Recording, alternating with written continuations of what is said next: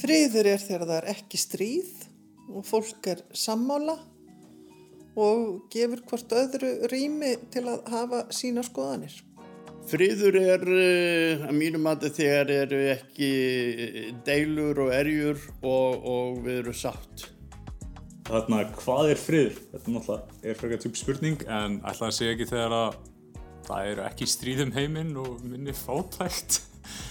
Það er líklega svona grunnhugmyndin að það er engin stríð. Uh, friður að mínu mati er þegar fólk getur lifað í sátt og samlendi og eru þá fordómalaust og bara yfir höfu ekki hrætt við aðra.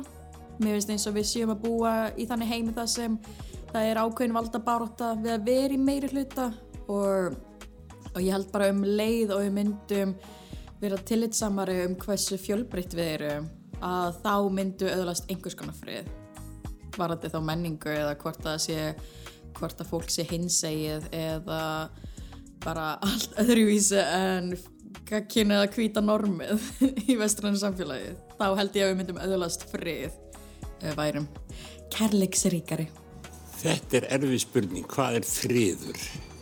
Friður þegar ekki eru styrjaldir í heiminum og friður er þegar þjóðir láta, eða þjóðarbrot, láta hvort annað í friði.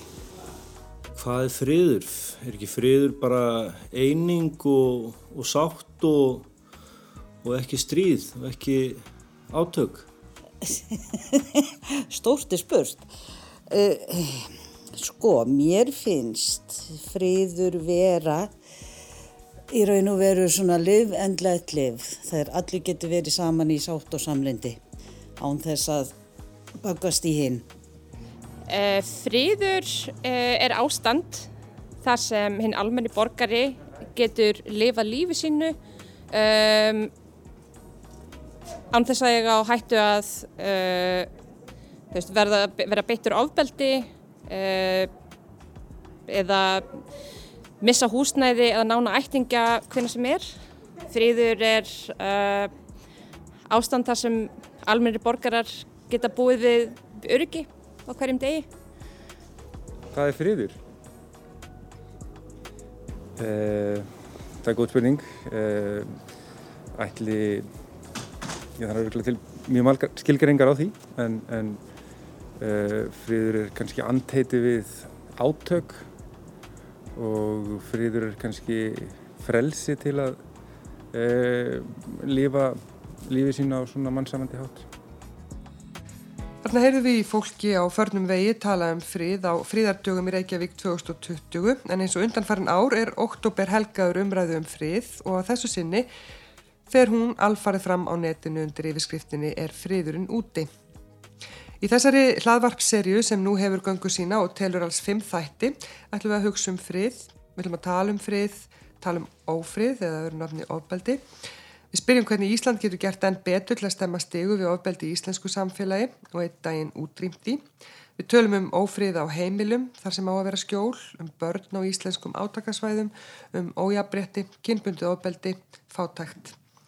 Við spyrjum líka hvernig Ísland getur verið upplugri málsvari á alþjóða vettvangi á sviði fríðar og mannreitnda og við tölum um heimili okkar allra, jörðina, sem á í vöka verjast, við ræðum framtíð hennar og allra sem hér búa á tímum lofslagsbreytinga.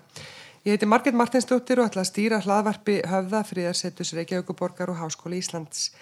Þessi fyrsti þáttur sem ber heitið Hvað er friður, hvað er ófriður er unnin í samstarfi við Utaríkisraðunitið og miðstöð saminuðu þjóðana á Íslandi. Og hingað þeirru komin þau Guðrún Sif Fríðriksdóttir, doktor í mannfræði, Stefán Pálsson frá samtökum hernaðarandstæðinga og Jökull Ingi Þorvaldsson, ungmennafulltrúi Íslands hjá saminuðu þjóðunum og sviði barna og ungmenna. Velkomin, vel þrjú. Takk fyrir. Um, það er varpað fram stórum spurningum hér í byrjun.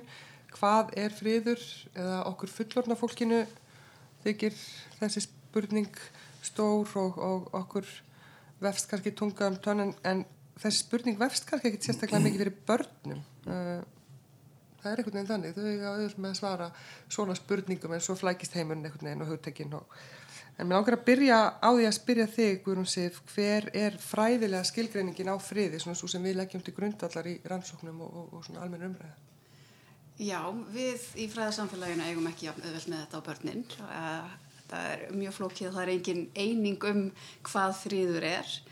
Um, fyrir marga sem eru svona rannsaka stór stríð í heiminum um, og átök og hvernig, og sögulega átök, þá er farið eftir skilgreiningu frá Uppsala Conflict Data Program sem er mjög svona þraunga skilgreiningu á hvað er stríð og þá þurfa að vera tvær eða fleiri fylkingar að berjast og að fleiri en 25 degi vegna þessara átaka á ári. Um, augljóslega er, er þetta mikið gaggrínt og fólk ósamal um þetta og samkvæmt þessu þá er friður allt annað. Um, mjög margir í fræða heiminum, kannski sérstaklega við svona félagsvístunum, við teljum þetta ekki mjög nótæfa skilgreiningu á friði. Um, sérstaklega hefur norski fræðimæðurinn Jóhann Galtung farið frekar lánt í að vilja skilgreina frið bara sem frelsi frá öllu ofbeldi ekki bara líkamlega ofbeldi, heldur líka kerfisbundin ofbeldi og rauninni samkvæmt galtung þá eru öll samfélag þar sem er einhver mismunin í gangi, það er ekki friður. Þannig þá erum við kannski komin í hýna íkjutnar, þá, þá er ekki friður neinstæðar í heiminum, ekki ennþá. Þannig við í mannfræðinni og svona mjög mikið í félagsýstunum höfum, leggjum nú bara áherslu á að við, við vitum þetta ekki alveg, að, að stríð og friður sé ekki svona svart og hvítt heldur sé þetta stórt róf og við séum öll á svona misgráu svæði. Um, og höfum verið meira að, að flækja hlutin um hvað friður sé heldur en að skýra þá. Mm. Stefán, þú ert frá samtökum hernaðarandstæðinga. Langar kannski að heyra þína skilgræningu á friði ef þú átt þína einn Prívat skilgræningu um, það er aftur ekki ekki, ekki, ekki gott að segja. Uh, og vandi kannski fríðarhefingarinnar hefur alltaf tíð verið það að hún hefur verið viðbræðsrefing uh, hún hefur verið að, að bregðast við uh, utanakomandi ógnum aðstæðum kringum stæðum þar sem að allavega öllum bara saman um að fríður ríkti ekki. Þannig að, að við sjáum það í rauninni að þau tímabill í sögunni þar sem að fríðarhefingin nær til flestra, kemur flestum út á uh, gödurnar það er þó jafnframt sömu tímabil og það sem að ástandið er hvað skukkurhallegast þegar að, að fólki finnst sér ógnað. Og þetta er náttúrulega kannski ekki, ekki, ekki góð aðstafa fyrir, fyrir græsótarhefingu en, en, en gildi nú samt sennilega um eh, já, svona ímsan málstað. Að, að, eh, að fólk tekur upp baráttuna þegar að ástandið er hvað allra verst. Mm -hmm. Að breyta þessu? Bara hjá þínum, þínum samtök? Ég, ég held að, að, ég, ég held að uh, bara öll græsótarsamtök uh, spurji sig öðru hverju þeirra spurningar sko hvernig getum við snúið þessu frá því að, að við séum sífælt að bregðast við, hvernig getum við hugað meira að fyrirbyggjandi þáttum í, í staðin fyrir það að vera alltaf að stökka til um leið og sprengjurnar eru byrjaðar að, að falla?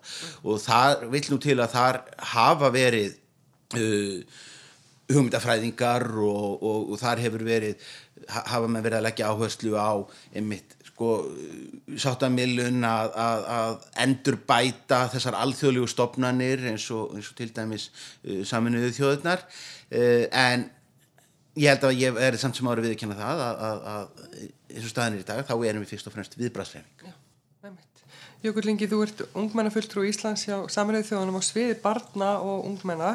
Uh, hvernig sínist þér að íslensk ungmenni tengi við þetta auðvitað friður?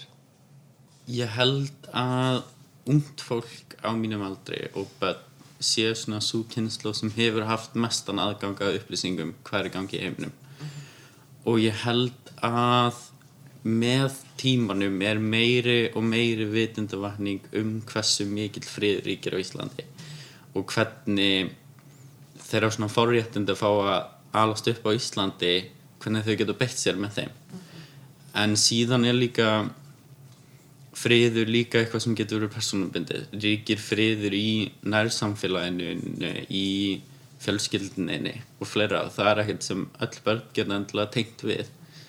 En ég held svona almennt að friður fyrir íslenskum börnum er tækifæri að fá aðvaksa og þroska þroskast í um, samfélaginu sinu og í skólinu sinum og í lífinu.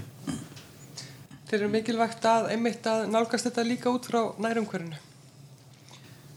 Ég held að ófriður í nærumhverfinu og sérstaklega nærumhverfur barna leiði alltaf til ófriðar í framtíðinni og það er í raun eitt af svona kjarnanum bakvið af hverju barnasáttmálinn var samtir er að því börn skipta svo stóru hlutverki fyrir framtíðina ef að þau alst ekki upp við frið hvernig getum við búist við því að þau muni vera friðagjafar í framtíðinni Guðrún, vilt þú bregðast í þessum orðum um, um börnin og, og unga fólki?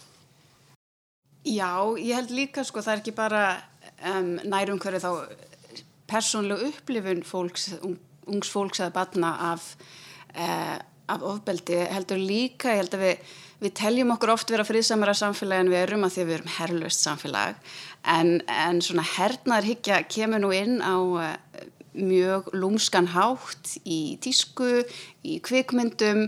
Um, þannig ég held að við raunin á Íslandi búum í, í svolítið svona samfélagi eins og allir vestræðin heimurinn er sem hefur setur hernað á einhvern svona stall sem eitthvað, eitthvað flott og spennandi eins og Hollywood myndir gera mjög oft til dæmis og auðvitað hefur það áhrif á eh, hvernig við hugsum um stríð og út, út í heimi mm -hmm.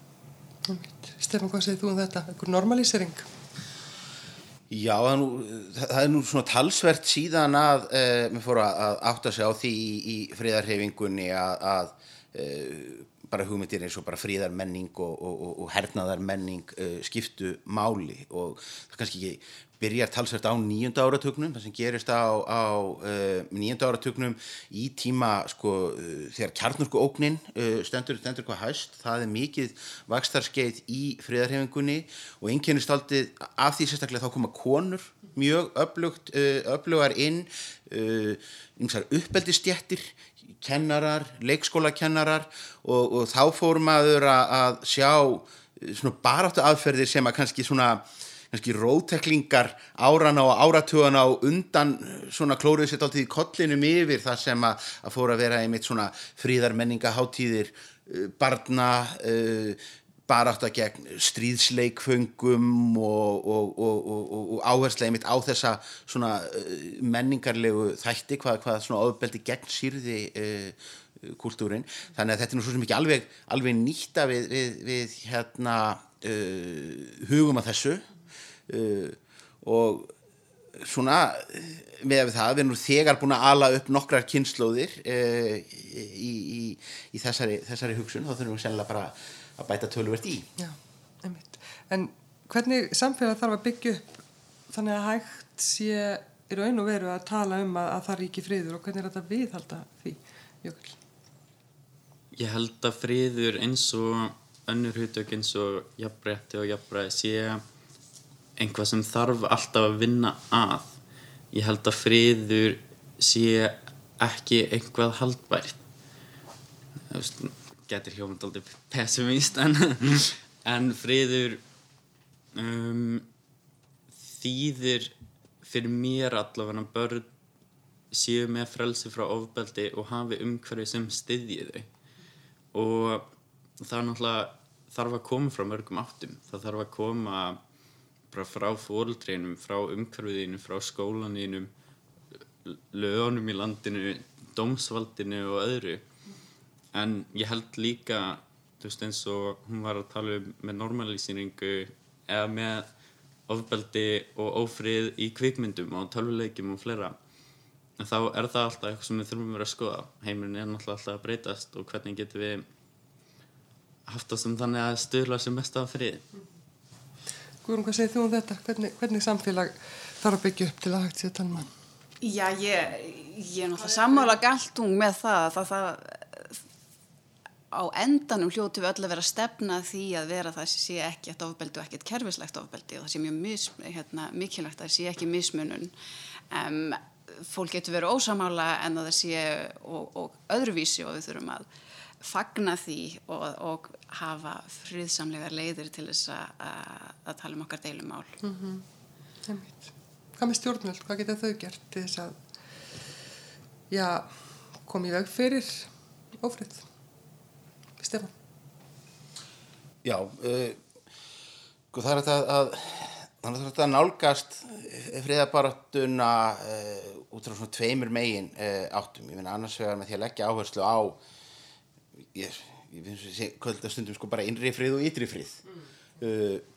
og og þeir, þær hreyfingar og þeir aðilar í, í, í friðarhefingunum sem leggja mesta áherslu á, á, á innri friðin sko horfa kannski fyrst og fremst á, á þátt einstaklingsins og að menn séu frið, friðsamir í sínu nærum hverfi og það munum síðan smittast uh, út. Aðrir og ég mun kannski verið meira þeim megin uh, horfa á uh, horfa á, á bara hluti eins og, og bara afopnunar sáttmála framlög til hernaðarmála uh, og, og uh, þar fram til göttunum þá þarf að setja í samhengi bara þær þá óbóðslegu sóun, það, það, er, er óbóðslegu upphæðir sem a, að fara í uh, vývæðingu og þar af leiðandi koma í vekk fyrir að við getum ráðstafa þessum sömu fjármunum til annara og, og, og betri hluta. Uh, núna í, í sömar var, var því sleigið upp að, að, að bandaríkin væru að setja sko met fjárhæðir í að, að, að þróa bóluefni við, við COVID-faraldrinum sem að væri náttúrulega sem við þekkjum að er stærsta uh, viðfangsefni samtímans núna. Svo fórum við nú að, að rína í tölurnar og, og sáu að þessi rísastóra upphæð var nú samt sem áður ekki nema 20. parturinn af því sem bandarækjumenn taka á hverju ári í þróun og, og viðhald á sínu kjarnakvapnakerfi þannig að, að, að þegar að, að eru settir í, í þetta samhengi uh, þá náttúrulega áttum okkur á því að ríkistjórnir og, og, og, og alþjóðastofnarnir geta gert gríðarlega margt mm. Hvað segir þú um þetta Jökull? Mm, hvað stjórnvöld geta gert til að stila frið? Mm. Þá held ég að skapa samfélag þar sem allir koma að borðinu eins og við reynum að gera með líra og fulltrúi líra þar sem fólk sem finnur að vegið sér, sé að sér geti leita sérnum réttar og geti leita til sérnum fulltrúa og barist fyrir breytingum á því. Að því í grunninn kemur náttúrulega ofrið frá ofbeldi og það getur náttúrulega verið frá mörgu. Það getur verið frá stjórnvöldum án þess að stjórnvöld átt sendilega á því en það er ástun okkur að krefst alltaf endalösra vinnu að viðhalda friði mm -hmm. Hei, Þetta er fín loka orð uh, Takk fyrir að koma Stefan Pálsson, Guðrún Sið Frýrsdóttir og Jökull Ingi Þorvaldsson